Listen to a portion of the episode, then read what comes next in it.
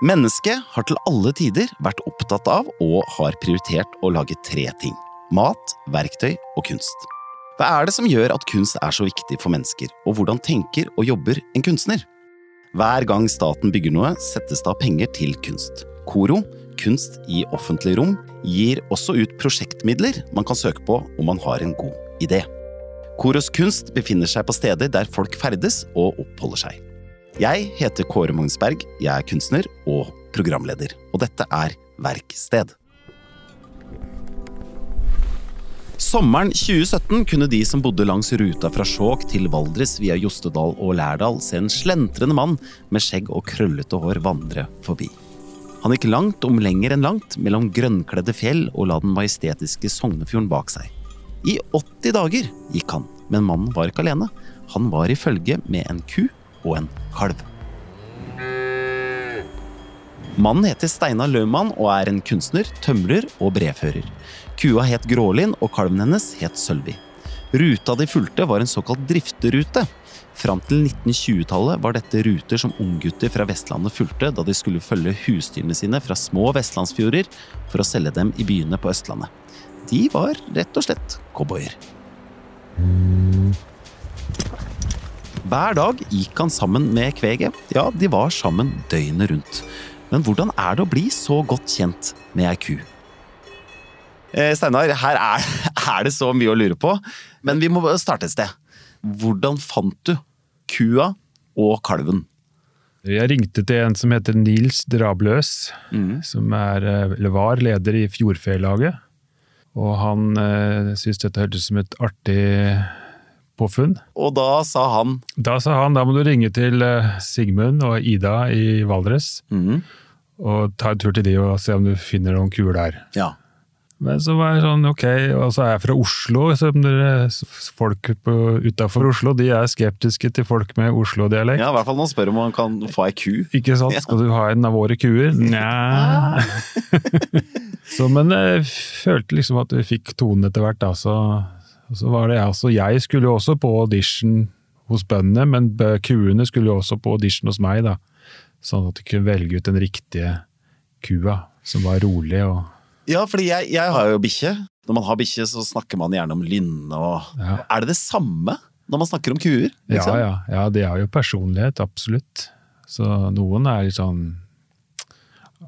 Har litt sånn artig Artig ku? Sånn artig ku, sånn klovneku, liksom, som ja. gjør mye rart. Og så er det en annen som er, litt, kanskje litt sur, rett og slett. Stort sett.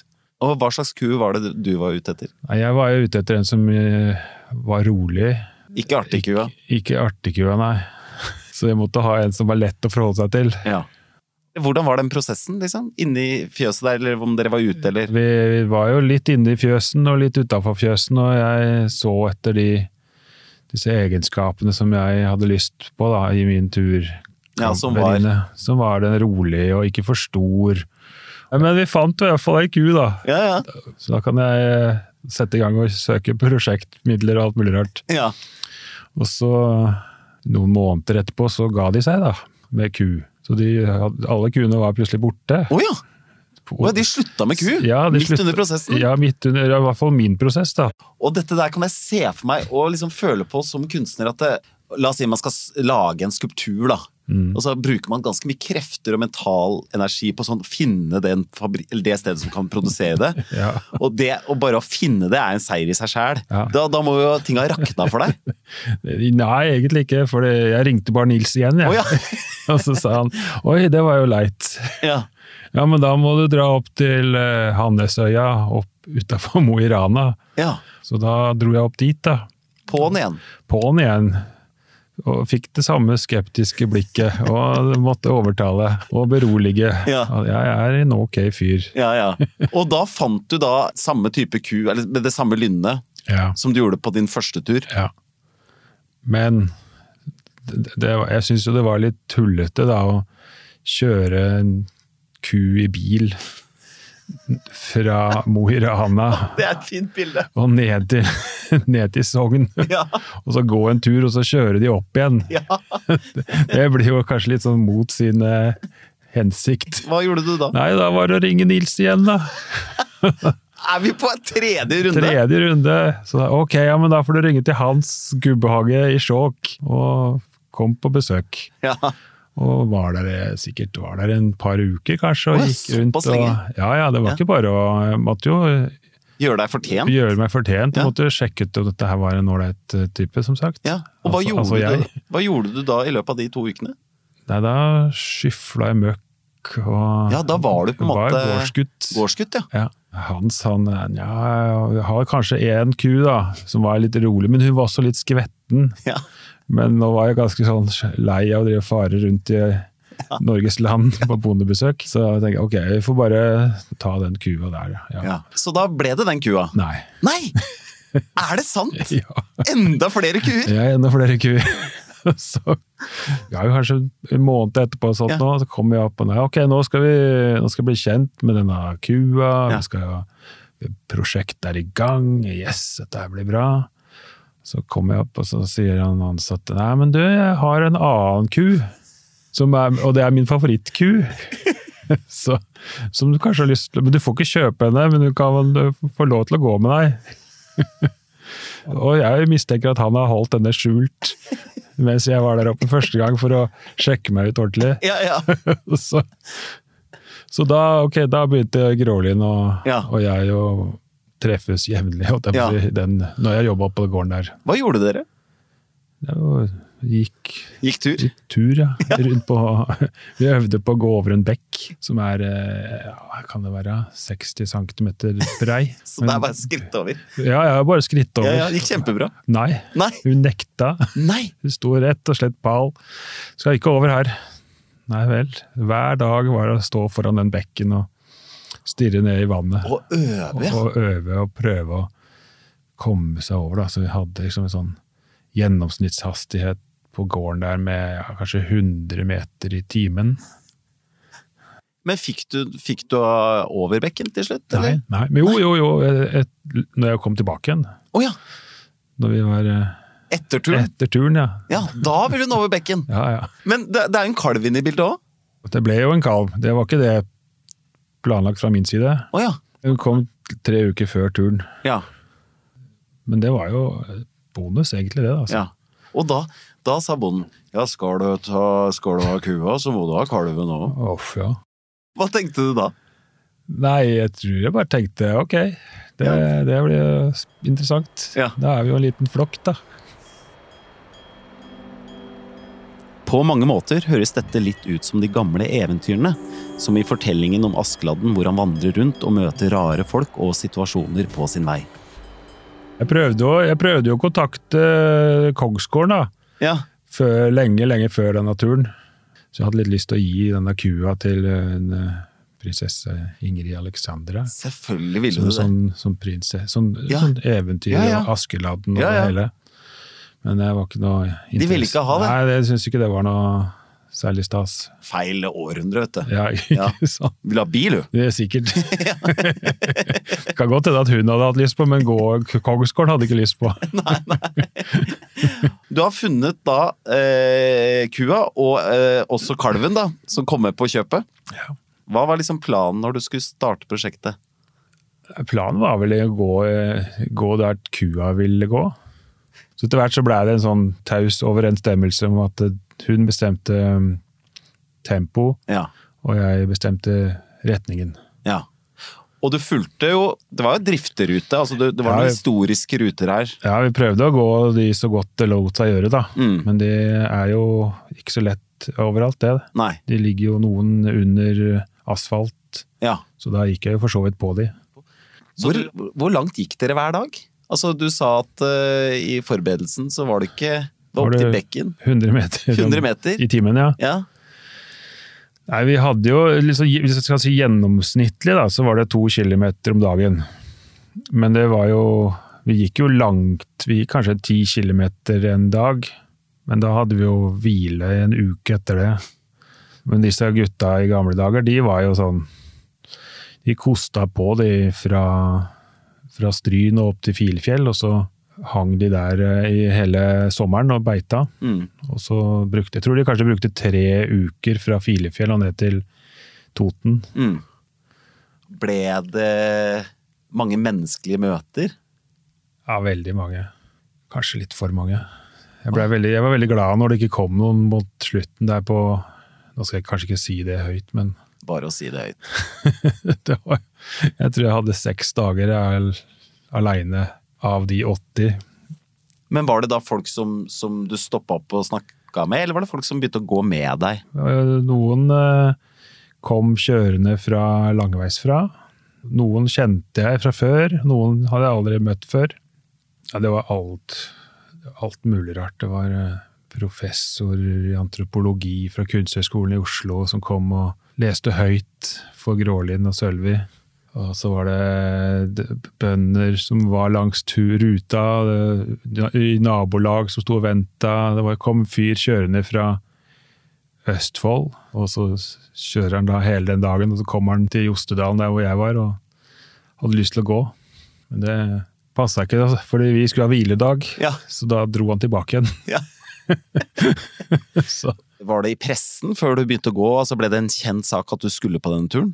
Ja, jeg hadde jo en sånn hjemmeside som heter eh, Jeg går en tur med kua.com, antar jeg. Husker jeg ikke helt, jeg. Selve turen ble tatt opp ved hjelp av mikrofoner plassert ved kuas hode og en GPS-sender. Noe som gjorde at publikum kunne følge med på hvor de var, og eventuelt komme og gå med dem et stykke.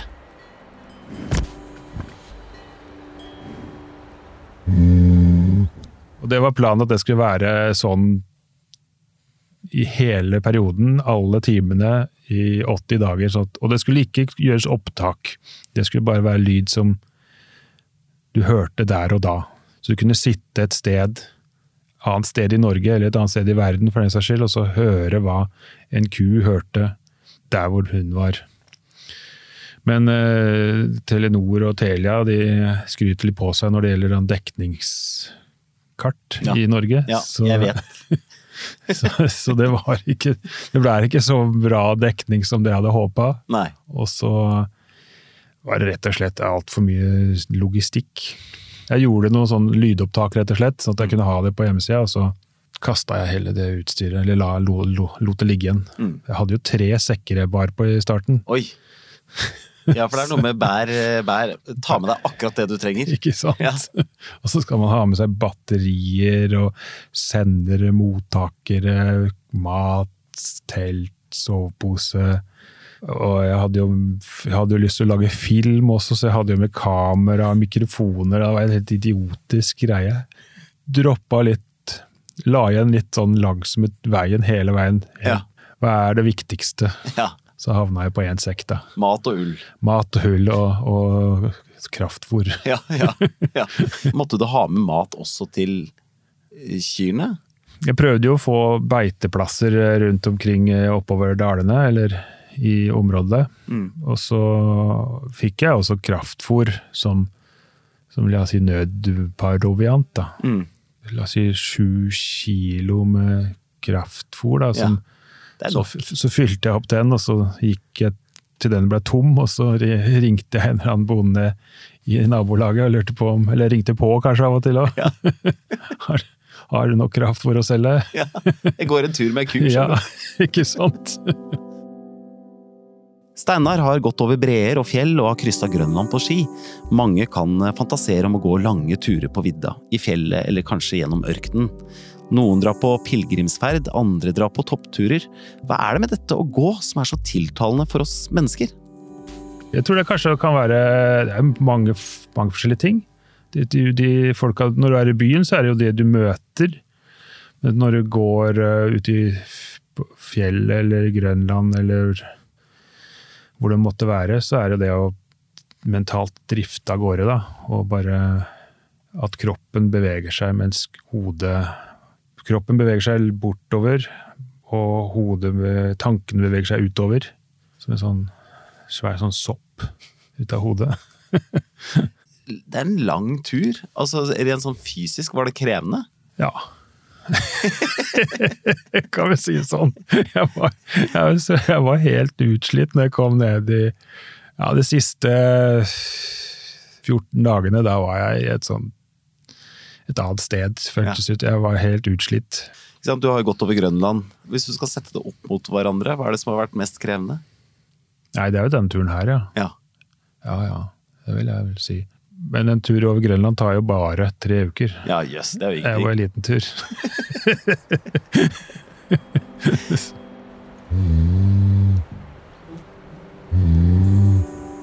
Vi nordmenn har i mange år vært avhengige av kua for å få melk og kjøtt. Men i den moderne verden har dette forholdet kanskje blitt litt distansert. I gamle dager måtte vi ut og melke kua for å få melk på bordet. I dag åpner vi døra til kjølerommet på den lokale matbutikken. Og selv om vi kaller det husdyr, er det ikke akkurat sånn at vi går tur med kua på samme måte som vi går tur med hunden. Men så var det akkurat det Steinar gjorde. Hva slags forhold fikk dere? Jeg vil vel si at jeg fikk et kjærlighetsforhold. En sånn veldig nær eh, Det var som å være på en tur med en hvilken som helst annen menneskeskapning. Mm. Vi hadde fine stunder og vonde stunder, og krangla Eller jeg krangla, og hun var ganske sta. Så et veldig godt, eh, nært forhold. Mm. Jeg kan kjenne bare det å sitte her nå og prate om henne, eller prate om dem, så kan jeg kjenne tilstedeværelsen deres på kroppen. Jeg kan jeg lukter eh, jeg, luk, jeg kan lukte Sølvi, og, for Mm. eksempel. Hun lukter ikke go vondt, hun lukter godt. ja, ja. Men forskjellen hvis du hadde gått en tur med et menneske, da, at ja. mennesket hadde jo gjerne svart tilbake. Men, Ja. men det gjør jo ikke en ku. Nei, ikke I hvert fall ikke med bokstaver ord, nei. Nei. Men jeg føler at hun, de, de kommuniserte, de også. Men det var jo mye stillhet. Ja. Og store, mørke øyne. Og store mørke øyne, ja. Dette prosjektet, eh, vil du si at det handler om Kan det handle om forholdet mellom mennesker og dyr? Ja, det, og, og kanskje natur. Hvordan forholder vi oss til dyr? Hvordan forholder vi oss til natur, og hvordan forholder vi oss til medmennesker? Ja. Og hva var det du lærte av det? Jeg, lærte veldig tidlig eh, om tålmodighet. Tålmodighet henger sammen med et, eh, et målfokusert tankesett. Så, så når jeg hadde et, en idé om at vi skal derifra til dit, da ble jeg veldig utålmodig. Mens når jeg fjerna meg fra den, fjerna den der, det målet der borte, og bare å ja, vi kommer så langt vi kommer, eller vi, vi, det skjer det som skjer. Da blei det mye mer sånn avslappet ro og tålmodighet. Da kunne jeg godt stå der i 20 minutter og vente til, eh, til hun var, eller til Grålin var fornøyd og hadde lyst til å gå. Og er det noe du har tatt med deg etterpå? Ja, det, det prøver jeg i hvert fall. Ja. Er, er det noe du tenker bevisst på, eller er det noe som bare har Ja, det slår inn i ny og ne, ja. Når jeg kjenner at jeg blir utålmodig, da er det sånn Hva er det du, er det du vil- absolutt vil nå? Turen til Steinar varte i 80 dager, ca. 2,5 måned. Altså en veldig lang tur, og det til fots. Steinar må innrømme at eh, når det gjelder tur, så er jeg utålmodig. Jeg har to barn, og, og jeg ser for meg liksom skiturer, og da holder jeg en halvtime. Altså. Jeg blir altså så lei. Det handler jo om tid, liksom. Og selv om jeg ikke er så veldig glad å gå på ski, så skal jeg gå så og så langt, eller jeg skal dit, eller jeg skal til den hytta, eller Da er du målfokusert, da. er er det målfokusert. skjer. Ja. Men også det der med tid. altså Hvordan tenkte du om tid på din tur? Altså Hadde du klokke? Nei. Nei. Jeg hadde ikke klokke og ikke kart. Jeg hadde et kompass. Ja. Men, men, men var, Det er, jo, det er jo vanskelig å komme unna klokka da nå, har en mobiltelefon. Ja, det er akkurat Så, men jeg hadde ikke klokke på hånda, og jeg prøvde å ikke Det, det var jo kanskje bare én gang at jeg eh, forholdt meg til tidspunkt, kan man mm. si. For da, det var da båten skulle komme og hente oss. Ja. Da var det litt greit å være der når den båten kom. Nei, jeg sto opp når jeg sto opp, og så gikk jeg det jeg hadde tenkt å gå, og så ga vi oss. ja. Men på en måte kan man si at tid også er en motivasjon for prosjektet, fordi du ville eh, Du ville gå på tur Mm. med en ku, Mm. og kanskje ikke forholde deg til tid. Ja, ikke sant? At det kanskje er en, egentlig en stor motivasjon. Ja, jeg vil jo gå ned i, i tempo, da. Ikke sånn haste av gårde. Mm. Sånn som jeg tenker kan være lurt å begynne med snart, Mm. for mange. Mm. Grålin og kalven hennes Sølvi er det som heter fjordfekur. Dette er den såkalte urkua, eller den opprinnelige kurasen på Vestlandet. Selv om han ofte fikk selskap av andre tobeinte på dagtid, sov han alene sammen med de to kyrne hver natt, og de var tett på hverandre hele tiden. Du sov ute?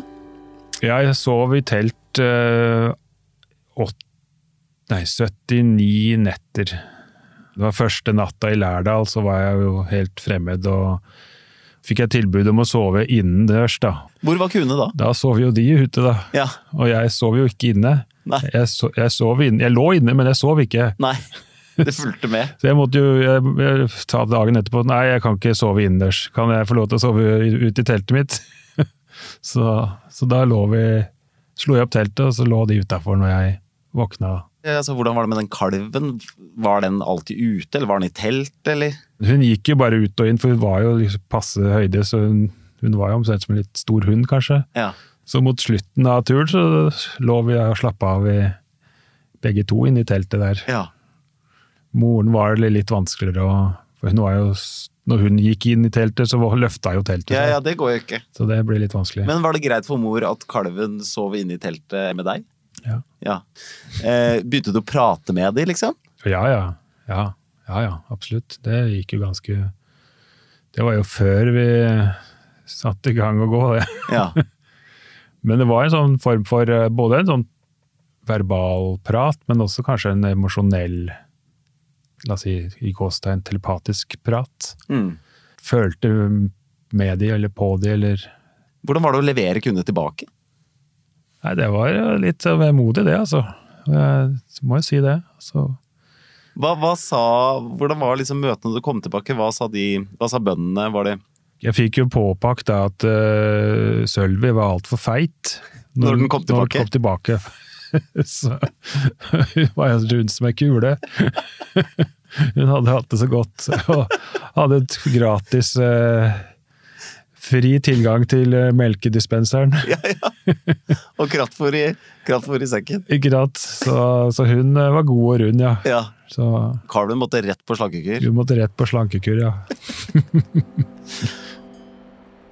På mange måter kan man si at kunstnere er litt som forskere. Man graver seg ned i ting, undersøker problemstillinger med mange ulike metoder og innfallsvinkler.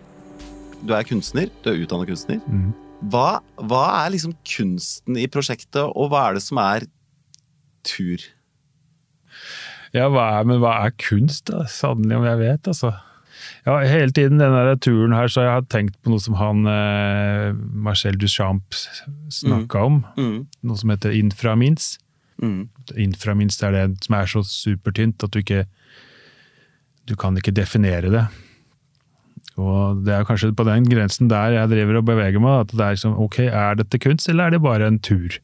Og kanskje det er det som er kunst. Kanskje der kunsten ligger i dette prosjektet her. Mm. At man eh, balanserer mellom så vanlige, banale ting som å gå. Er det ikke kunsten at man interesserer seg for og ser ting som kanskje ikke alle andre er opptatt av? På et eller annet vis. Ja, Det virker i hvert fall som kunstnere driver med ting som folk ikke er opptatt av, ja. Ser jeg så. Man får jo spørsmålet hele tiden 'hvorfor gjør du det?' Ja. Men det, jeg tenker at man legger Jeg legger vekt på ja, hvorfor, skal jeg, hvorfor skal jeg gjøre det? Hvorfor skal jeg gjøre én ting kontra en annen ting? Mm. Så jeg, bare, jeg har bare lyst til å gjøre det. Jeg har Mm. lyst til å gå den turen. Eller du har lyst til å male det bildet. Eller den personen der har lyst til å lage den filmen. Hvorfor skal man være opptatt, alle opptatt av det samme?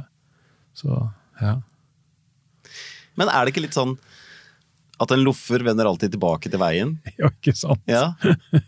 Tror du at du kan gjøre, eller kommer til å gjøre noe lignende i fremtida, liksom? Det tror jeg nok jeg kommer til å gjøre, ja. Jeg har ikke noen sånne eh, landkrysningsprosjekter på gang akkurat nå. Ikke akkurat nå, kanskje? Nei, ikke akkurat nå, nei.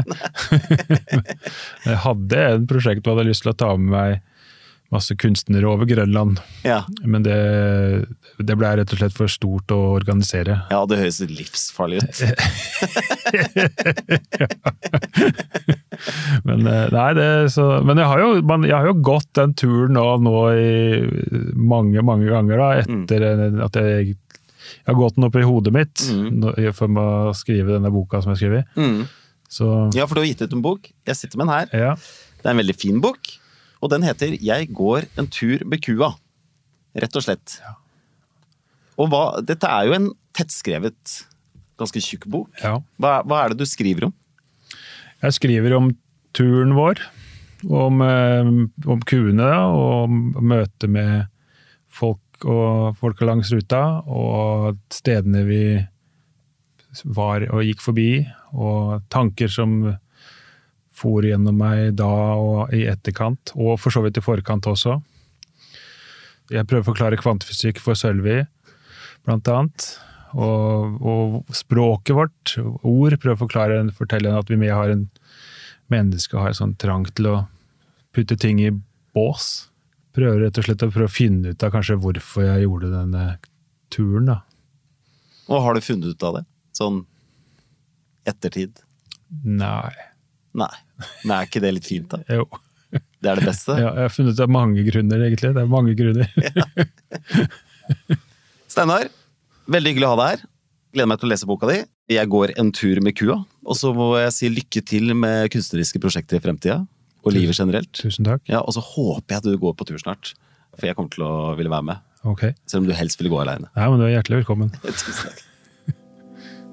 Denne podkasten er produsert av Feelgood Scene Film og TV for Koro, og er laget av Anna Katarina Haukeland, Pernille Skar Nordby og Åsne Jukse fra Koro.